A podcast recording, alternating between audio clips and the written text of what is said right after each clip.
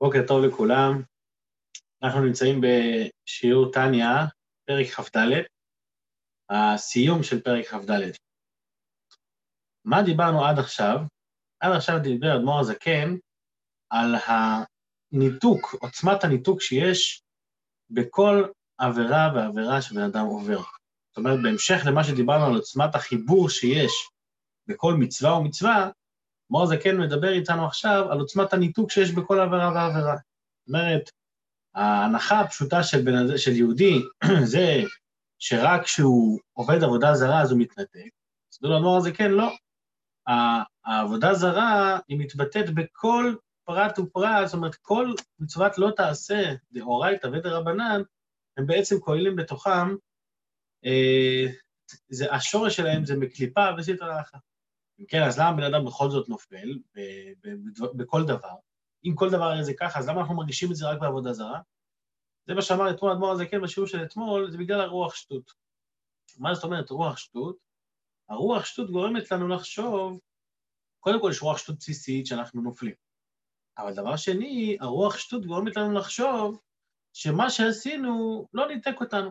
יש עבירה חמורה יותר, יש עבירה פחות חמורה, ואומר אדמו"ר הזקן, הרוח שטות הזאת אומרת לאדם, יש הבדלים. לכן אני לא מתנתק עכשיו בעבירה שעשיתי באותו רגע, כי זו עבירה קלה. אבל האמת היא שאין הבדל בין עבירות. בהמשך לזה מגיע השיעור של היום, ושואל אדמו"ר הזקן, רגע, רגע, אתה אומר לי שאין הבדל בין עבירות, שהכל אותו דבר, אבל אם אני אגיד לך שכן יש הבדל, אם אני אגיד לך ש... ש... שבאמת אנחנו רואים הבדלים מסוימים בין עבירות. שלום. זה נקודה ראשונה. נקודה שנייה גם, שבזה מתחיל השיעור של היום, זה אם עבירה מנתקת אותי מהקדוש ברוך הוא, אז איך בכלל מתחיל המושג שנקרא פיקוח נפש דוחה את כל העבירות של התורה?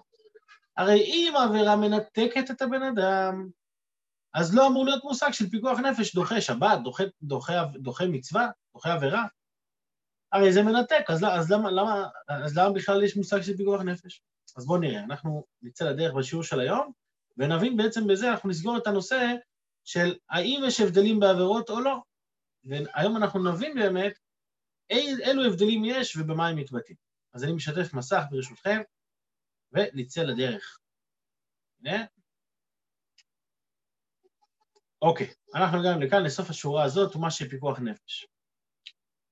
שואל אדמו"ר הזקן, ומה שפיקוח נפש דוחה שאר עבירות, וגם יעבור ואל ייהרג. זאת אומרת, אנחנו רואים שלא, יש מצוות שעליהן כתוב ייהרג ואל יעבור. עבודה זרה, גילוי עריות, שפיכות דמים, זאת אומרת, שכשמגיעים לבן אדם ואומרים לו, או שאתה עובד עבודה זרה או שנהרוג אותך, התורה אומרת לך, לא, עליך למסור את עצמך למיתה. לעומת זאת, שאר העבירות, מה אומרים? פיקוח נפש דוחה הכל. זאת אומרת, זאת אומרת שה, שהדברים האלה הם לא כל כך חמורים, אתה יכול בעצם לעבור.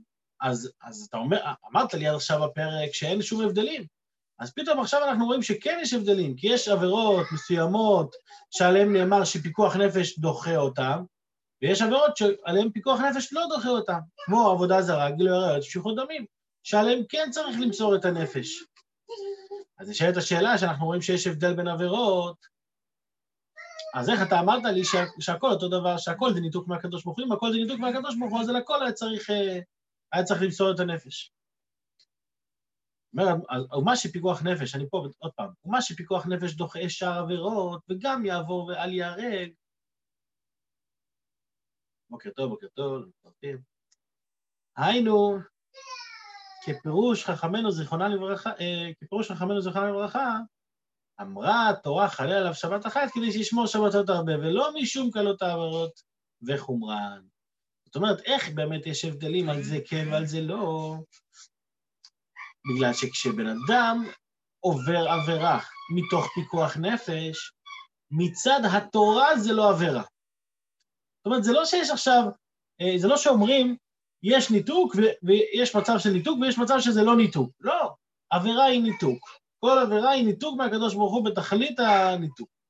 אבל כשיש לך בחירה או למות או לחיות, ושתוכל לקיים עוד הרבה הרבה מצוות, לכן אומרים לך שזה לא, לא שביטלת פה את התורה והתנתקת, אלא הפוך, מה זה חלל עליו שבת אחת כדי שישמור שבתות הרבה? אומרים לך שמותר לך לחלל שבת בשביל להציל נפש מישראל. אתה לא מחלל שבת בשעת, ה... בש... בשעת... בשעת ההצלה. למה? כי בשעה, בשעה הזאת אתה גורם שיהיה פה יהודי שיקיים עשרות שבתות. וזה נקרא חלל עליו שבת אחת כדי שישמור שבתות הרבה. זה חלק מההגדרה של התורה, חלק מהשמירה של התורה, שיהיה בן אדם שיחיה וישמור תורה. כמו שכתוב, וחי בהם.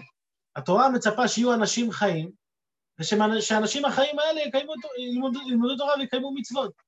אז זה לא עכשיו שיש פה, זה, זה שאומרים לך שהפיקוח נפש דוחה את השבת עכשיו, או דוחה עבירה מסוימת, זה לא שאומרים לך שהעבירה הזאת היא לא, היא, היא, היא קלה, מה פתאום? אלא אנחנו רוצים שיהיו הרבה שבתות, ובגלל הרצון של הרבה שבתות, אז אתה מחלל שבת אחת. וזה חלק מהגדרים של התורה, אתה לא מתנתק. כשבן אדם, אדם מחלל שבת בשביל פיקוח נפש, הוא לא מתנתק אפילו לרגע אחד, זה חלק מהגדרים של שמירת שבת. הוא שומר שבת בהידור כשהוא נוסע ללידה בשבת. ולכן אומר אדמו"ר הזקן, זה לא בא משום קלות העבירות וחומרן. בסוגריים, אדמו"ר הזקן בא להסביר לנו שאי אפשר להגיד שזה משום קלות העבירות וחומרן, כי יש עבירות שאפילו ש, ש, ש, שמחללים עליהן, נגיד שבת, הוא לוקח, הוא מביא את שבת כדוגמה, שאפילו שמחללים שבת לצורך פיקוח נפש, עדיין שבת היא חמורה יותר, האיסור של שבת חמור יותר מאיסורים אחרים. אפילו מאיסורים של עבודה זרה, גילוי עריות, שפיכות דמים וכאלה. אז בואו נראה את זה רגע בסוגריים. תדע, אומר אדמו"ר זקן, תדע, שהרי שבת חמורה ושקולה כעבודה זרה לעניין שחיטת מומר לדבר אחד. יורה דעה, סימן ב'. יש הלכה שאם בן אדם מחליט שהוא מצווה מסוימת באופן קבוע, הוא לא, לא מקיים אותה, זאת אומרת, הוא נקרא מומר. מומר, אני, אני כופר בדבר הזה, אני כופר, יש אחד שהוא כופר בכל התורה, בסדר? הוא במצב מסוים, אבל יש אחד שאומר, תשמע, אני מאמין בתורה, אבל יש מצווה אחת שאני לא מוכן, אה, מוכן אה, לקבל על עצמי, נגיד שבת, הוא אומר, שבת, אני לא מוכן, לא מוכן, זה לא בשבילי, אז הוא מומר לדבר אחד. הוא לוקח מצווה אחת, מצוות שבת, והוא מחליט שהוא כופר בדבר הזה. אז אנחנו רואים שיש הלכה שאומרת שבן אדם שהוא מומר לדבר אחד, השחיטה שלו היא פסולה.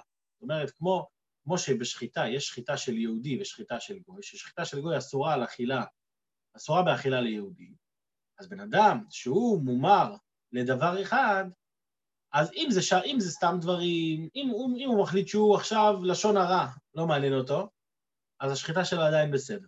ואם אה, הוא לוקח עבירה מסוימת, עדיין זה לא, זה לא הופך את השחיטה שלו לפסולה. אבל בן אדם שאומר שהוא לא מאמין באלוקים, שהוא מומר לדבר הזה בכוונה, בלהכעיס, מה שנקרא, אז זה, אז, אז השחיטה שלו פסולה. ואותו דבר גם שבת. שבת ועבודה זרה שווים לגבי השחיטה של הבן אדם, שהם פוסלים את השחיטה שלו. מה שאין כן, אומר אדמו"ר הזקן, במומר לגילוי עריות. זאת אומרת, גילוי עריות, שלכאורה זה מהעבירות הכי חמורות, הכי, הכי חמורות, עבודה זרה, גילוי עריות, שפיכות דמים, מישהו מחליט שהוא מומר לגילוי עריות, השחיטה שלו עדיין כשרה. לעומת זאת, מי שמחליט שהוא, שהוא כופר בהלכות שבת, השחיטה שלו היא פסולה. מה אתה רואה מזה? או ששבת חמורה אפילו יותר מגילוי עריות, היא שווה לעבודה זרה. אז, אז, אז, אז אנחנו רואים שזה לא שיש פה חומרה בזה וכולה בזה, כי במידה מסוימת השבת היא יותר חמורה אפילו משלושת העבירות האלה.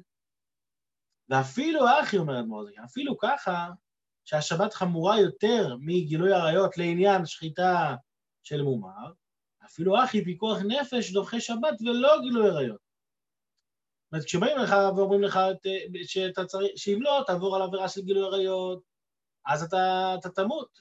אז זה אתה חייב למסור את הנפש. לעומת זאת, על שבת, לא. פיקוח נפש דוחה את השבת. אפילו שהשבת חמורה יותר בעניין אחר, בעניין של השחיטה. אז למה שלושת העבירות האלה, מה מיוחד בשלושת העבירות האלה שדווקא עליהן נאמר ייהרג ואל יעבור? אומר אדמו"ר זה כן, אין מה לעשות, אלא דגזירת הכתוב, גזירת הכתוב הוא התורה, כמו שהגמרא לומדת מכל מיני פסוקים, דווקא על שלושת העבירות האלה, של עבודה זרה, גילוי עריות ושפיכות דמים, שדווקא עליהם, אה, דווקא עליהם יש את העניין של ייהרג ואל יעבור. זה לא בגלל שהן חמורות יותר, אלא זה בגלל שככה התורה ציוותה, שיש לזה גזירת הכתוב, זה נקרא. אבל מבחינת עוצמת הניתוק, הם באותה עוצמה כמו כולם. ורק שעליהם, רק שעליהם בן אדם מצווה למסור את הנפש. אז אם כן, עכשיו, אז, אז הבנו נקודה מסוימת. מה הבנו עד עכשיו? הבנו ש, שאין באמת הבדלים. אין באמת הבדלים בין עבירות, אז מה שיש עבירות שעליהן מוסרים נפש ועלי, ויש עבירות שעליהן לא חובה למסור את הנפש, זה בגלל שגזרת הכתוב של מצוות מסוימות זה ייהרג ואל יעבור. אבל שאר המצוות, הביטול שלהם בשעת העבירה הוא חלק מהקיום שלהם. חלה עליו שבת אחת כדי שישמור שבתות הרבה. אז זו נקודה שהבנו עד עכשיו. מה נשארנו להבין? נשארנו להבין שעדיין רואים שיש שינוי בין עבירות. זאת אומרת, אדמו"ר הזקן לא מוותר בכזו קלות, הוא אומר, יש, יש, יש הבדלים. איפה אנחנו רואים את ההבדלים? בעונשים. יש אחד כזה שהעונש שלו הוא כזה, ואחד שהעונש שלו הוא כזה. אנחנו, אז, אז אתה רואה שיש עבירות חמורות יותר ועבירות קלות יותר. יש, איך כתוב ב... והיה עקב תשמעו, מצוות קלות שאדם דש בעקביו. מה זאת אומרת מצוות קלות? אז אתה רואה שיש מצוות שהן קלות, מצוות שהן חמורות, יש מצוות שעליהן, שהעונש עליהן הוא, כרת, מיתה בידי שמיים, ויש מצוות שזה רק תביא קורבן, או אפילו רק תעשה תשובה. אז אתה רואה שכן יש הבדלים. או מגיע אדמו"ר הזה כן ומסביר איך באמת אין שום הבדלים מבחינת העבירה עצמה, וזה כאן בתחילת השורה בעמוד ל"א, אלא שלאחר מעשה החטא, אם היא עבירות, כאן הוא מבדיל בשעת החטא ולאחר מעשה החטא. יש את העבירה בשעת העבירה עצמה, ויש מה קורה עם אותה עבירה אחרי, אחרי שסיימתי. אלא שלאחר מעשה החטא, אם היא מעבירות שאין בהן כרת ומיתה בידי שמיים, זאת אומרת, זה עבירות שהעונש שלהן הוא לא עונש של כרת ומיתה בידי שמיים, תכף אנחנו נראה מה זה אומר בהגעה, אבל בינתיים בואו נקרא את זה ככה. אז אם זה עבירות כאלה שאין נפש האלוקית מתה לגמרי ונחרטת משורשה באלוקים חיים, זאת אומרת שהעבירה לא נתקע אותו לגמרי כי העוצמה של הפגם, של העונש, הוא לא עוצמה, היא לא בעוצמה כל כך חזקה, רק כשנפגם קצת דבקותה ואחיזתה בשורשה בחטא זה, זאת מה קרה? אחרי יש את, המצו... את העבירה שהאדם עובר בשעת אותה עבירה. כמו שאמרנו קודם, רוח שטות נכנסת בו ואומרת לו, היא לא מנתקת אותך, למרות שבאמת היא מנתקת אותו. אבל עכשיו הבן אדם סיים ועכשיו הוא ממשיך בשגרה שלו. מה קורה עכשיו עם, ה... עם, ה... עם מה שהוא עשה בפועל? האור השלילי נקרא לזה ככה, שהוא המשיך בעולם. אז אם זה אור שלילי כזה, שהעונש שלו הוא כרת ומיתה בידי שמיים, סליחה, ש... שזה, שזה קל כביכול, שהעונש של זה הוא לא כרת עם דוד השמיים, זאת אומרת שהנפש האלוקית שלו עדיין מחוברת ולא התנתקה לגמרי, אז, אז בסוגריים פה, אתם יודעים, אני אקרא לפני, לפני ההגעה, בואו נסיים את המשפט. אני פה בשורה של ההגעה, הרי גם נפשו החיונית הבעמית המלובשת בגופו, וכן גופו, חוזרים ועולים מהסטרה אחר בקליפה זו ומתקרבים לקדושת נפש האלוקית המלובשת בהם. מה קורה בעצם עם הנפש שלנו אחרי שעבר, ש, שעברנו עבירה? מה שקורה זה שהנפש חוזרת למצב הבסיסי שלה. הרי נפש בעמית היא כל הזמן קליפת נוגה. ותמיד הבן אדם, יש לו את האפשרות להעלות אותה לקדושה, או להוריד אותה לקליפה, זה תלוי בבחירה של האדם. אז כשבן אדם בוחר להוריד אותה לקליפה, היא יורדת לקליפה. מי יורדת לקליפה? הנפש הבעמית, והיא מושכת איתה ביחד את, את הנפש האלוקית. אבל אחרי שהיא סיימה את המלאכה שלה בעניין הזה, היא חוזרת למצב הבסיסי שלה, עכשיו היא שוב קליפת נוגה. ועכשיו שוב חוזרת לאדם הבחירה, האם להעלות את זה לקדושה, או, להשאיר, או להוריד את זה לקליפה. אז לכן הוא אומר אדמו"ר הזקן, גם נפשו החיונית הבעמית, המלובשת בגופו, וכן גופו, הגוף הגשמי שלו, הפיזי, שהוא קליפת נוגה, הם חוזרים ועולים מאותה קליפה שהם ירדו ונפלו ב... באותה עבירה, ומתקרבים לקדושת נפש אלוקית, הם חוזרים חזרה למצב הניטרלי שבה הנפש האלוקית יכולה להשפיע עליהם. המלובשת בהם, המאמינה בהשם אחד. אני אעצור פה רגע, נשים פה נקודה, למרות שגם זה אמצע משפט, אבל נחזור רגע להגעה. בהגעה פה, אדמו"ר הזה כן רוצה להסביר איך באמת יש עבירות שעליהן העונש הוא מיטה בידי שמיים, ויש עבירות שהעונש הוא לא מיטה בידי שמיים. הסביר אדמו"ר הזה כן, ולפי ערך וחל, ו, וחלוקי, בחינת הפגם בנפש ובשורשה בעליונים, כך הם חלוקי בחינות המירוק והעונש בגיהנום בעולם הזה. שכר ועונש, כשמדברים, יש פה גם עניין יסודי בכל המושג של שכר ועונש. כשאומרים שלבן אדם מגיע עונש מסוים, כרת, מידה בידי שמיים, יש דרגות של עונשים, גיהנום כזה, גיהנום כזה, הדרגות של העונשים לא קשורים בהכרח לעצם הנקודה של, ה, של הניתוק של הבן אדם בעבירה, אלא דרגות העונשים הם לפי הפגם שפגמת. זאת אומרת, כשבן אדם עובר עבירה, הוא גם ממשיך אור שלילי, כמו שאמרתי קודם. האור השלילי הזה פועל בעולם מציאות של רע, ולפי הפעולה של מציאות הרע, עכשיו יש לך, יש לך עבודה לנקות את זה. זאת אומרת, כשאני נמצא עכשיו ב... אני נמצא נגיד בבית, בסגר, עם הילדים. אתה אומר לילד, אל תזרוק את האוכל על הרצפה. אז הוא זורק את האוכל על הרצפה. תיאורטית אני אומר, לא שזה קורה למישהו, תיאורטית. אז עכשיו הוא זורק את האוכל על הרצפה. אז יש פה שתי נקודות. נקודה ראשונה, הוא קודם כל לא שמע בקולך. לא שמע, אמרת לו לזרוק, הוא זרק. אז זה נקודה אחת. נקודה שנייה, זה מה קורה עכשיו עם מה שהוא זרק. אז אם הוא זרק מרק, אז אתה צריך עכשיו להביא מים ולשטוף. אם הוא זרק אה, קרקר, אז תביא מטאטא ותטאטא. זאת אומרת, עצם, עצם האי שמיעה בכל הסמכות, נקודה מסוימת. אבל, עצם האי שמיעה בכל הסמכות זה נקודה אחת. אבל אחר כך, אחרי שכבר לא שמעת, מה עושים עכשיו? לא משנה עכשיו מה, מה, מה מגיע לו על זה שהוא לא שמע בקולך. בוא ננקה את מה שקרה, צריך לנקות את הלכלוך. אז יש ניקיון של לכלוך מסובך יותר, ניקיון קל יותר. זה מה שאומר אדמו"ר הזקן גם על עבירות. כמו הפגם שבן אדם פוגם על ידי העבירה, זה מה שהוא צריך לתקן. אם, אם עברת עבירה במחשבה, אז אתה צריך לתקן את, את כוח המחשבה שלך.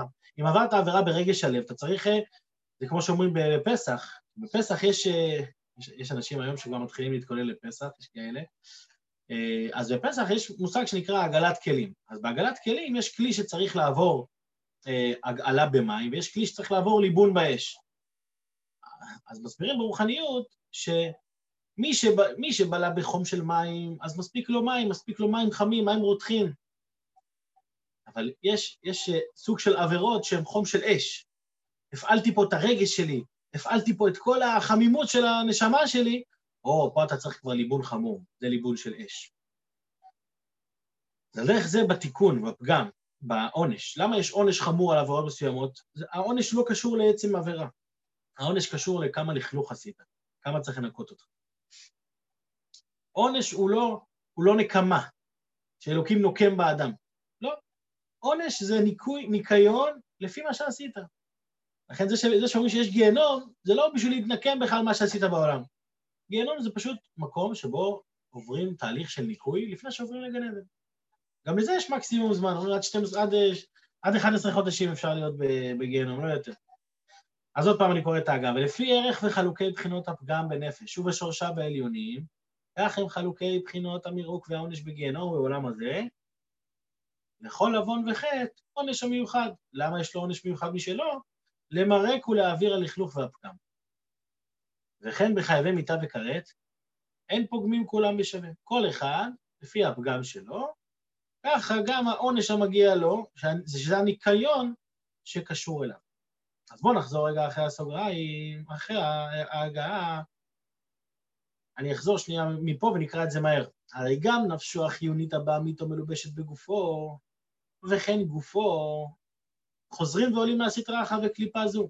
כשבן אדם עובר עבירה שהניקיון שלה הוא קל, שהוא לא פגם לגמרי, והנשמה שלו עדיין קשורה, זאת אומרת שהלכלוך הוא לא לכלוך כזה גרוע, לא העבירה, הלכלוך. ואז מה קורה אחר כך? עולים מהסטרה אחת וקליפה זו ומתקרבים לקדושת נפש אלוקית המלובשת בהם. שאותה נפש אלוקית, לא משנה מה קרה, היא מאמינה בהשם אחד. אחרי החטא, כן? היא, היא תמיד מאמינה. אומר אדמו"ר הזה, כן, גם בשעת החטא הייתה באומנה איתו. זאת אומרת, הנפש האלוקית קרה לה פה משהו. כשבן אדם עובר עבירה, לנפש האלוקית קורה משהו, לא רק הנפש הבעמית. הנפש האלוקית יורדת עם הנפש הבעמית, בגלל ששתיהן נמצאות בגוף אחד, אז כש, כשיש ירידה לנפש הבעמית, היא לא יורדת לבד, היא יורדת עם הנפש האלוקית. רק מה? הנפש האלוקית, רק מה, הנפש האלוקית, היא לא יורדת לגמרי, היא אחר כך חוזרת. וגם בשעת החטא, גם באותו זמן של העבירה, הייתה באומנה איתו יתברך, היא עדיין נאמנה לקדוש ברוך הוא. רק שהיא לא יכלה, היא, היא סתמו לה את הפה ואין לה סיכוי עכשיו להביע את דעתה. רק שהייתה בבחינת גלות ממש בתוך הנפש הבעמית, מסתרא אחרא, שהמחטיאה את הגוף ומורידתו עימה בעמקי שאול למטה מטה, תחת טומאת הסתרא אחרא וקליפת עבודה זרה שמשמרנו. והנפש האלוקית עכשיו היא, היא חסרת דעה באותו זמן, באותו רגע. נכון שהיא בעצמה רוצה להתחבר לאלוקות, והאהבה המסותרת שלה היא, היא בוערת בתוכה, אבל היא נמצאת בבחינת גלות בשעת העבירה. הנפש האלוקית, לא הנפש הבעמית, הנפש האלוקית היא בגלות.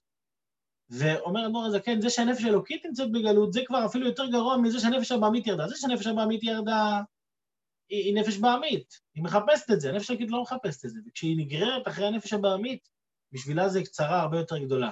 ואין לך גלות גדולה מזה, מזו, מאיגרא רמא וכולי. זאת אומרת, הנפש האלוקית שהיא הייתה חלק אלוקיים מעל ממש, והיא ירדה לגוף בשביל לברר את הגוף, פתאום היא נופלת, זה נפילה גדולה מאוד, ואפילו שהיא באותו רגע רוצה, אבל אין לה את השליטה בגלל שהיא בגלות בתוך הנפש הבאמית. כמו שנתבהר לעיל, בפרק י"ט, פרק י"ח, דשורש ומקור נפשו, נפשות אולי, כל בית ישראל, הוא מחוכמה הילאה, והוא יתברך וחוכמתו אחד. זאת אומרת, אי אפשר להגיד שהנפש הזאת נהיית קליפה, היא לא נהיית קליפה, היא בגלות בתוך הקליפה, וכולי. והוא כמשל האוחז בראשו של מלך, ומורידו למטה, וטומן פניו בתוך בית הכיסא מלא צואה, שאין לך עלבון גדול מזה. אפילו עושה כן לפי שעה. אז זה מה שאדמו"ר הזקן רוצה להסביר כזה דבר. שה... אחרי העבירה יש לנו חילוקי דרגות. יש ניקיון גדול יותר, ניקיון קטן יותר, אבל בשעת העבירה מה קורה? בשעת העבירה לא משנה מה עשית. גם אם אחרי העבירה אתה אומר לי שזה בסך הכל קרקרים שצריך לטאטא, אבל מה קרה בשעת העבירה? אתה לקחת את הראש של המלך ושמת אותו בתוך, בתוך אסלה מלאה, מלאה צואה. זה... אין עלבון יותר גדול למלך מאשר להשפיל אותו לרמה כזאת. אז תגיד לי אחר כך שבסדר, אפשר לנקות את זה, זה שטויות, ושנייה אתה, אתה מנקה. לא, לא מדברים איתך עכשיו על כמה, כמה צריך להתאמץ בשביל לנקות, מדברים על מה עשית עכשיו. וזה מה שמסביר לנו אדמו"ר הזקן כאן, בסיום הפרק, על ההבדלים שיש בין העבירות. אין באמת הבדלים. העבירה עצמה היא לקחת את המלך ולטמון אותו במקום הכי, הכי מסריח שיכול להיות. אז למה יש באמת חילוקים? למה על זה מוסרים את הנפש? למה על זה, למה זה העונש הוא אחר? על, כי על זה מוסרים את הנפש, כי התורה אמרה למסור את הנפש, זה חלק מהגדרים של התורה, זה לא בגלל החומרה שלה, וזה שיש, וזה שיש עונשים מסוימים, זה בשביל, בשביל לנקות יותר. אבל העבירה עצמה לא משנה עכשיו, אנחנו לא מדברים על אחרי העבירה, מדברים על העבירה עצמה. אפילו שזה לפי שעה, העבירה עצמה היא, היא הירידה הגדולה ביותר. שאין לך עלבון גדול מזה, אפילו עושה כן לפי שעה. שהקליפות וסטרא אחרא נקראים כי צואה כנודע. זאת אומרת שכל המושג הזה של קליפה, סיטר אחרא, של העבודה זרה, יש, איך אומרים, יש כל כך הרבה שמות, אבל כל השמות הם אותה נקודה. מציאות נפרדת מהקדוש ברוך הוא. עצם זה שיש מציאות נפרדת מהקדוש ברוך הוא שמרגישה את עצמה למשהו, זה שורש כל הרע.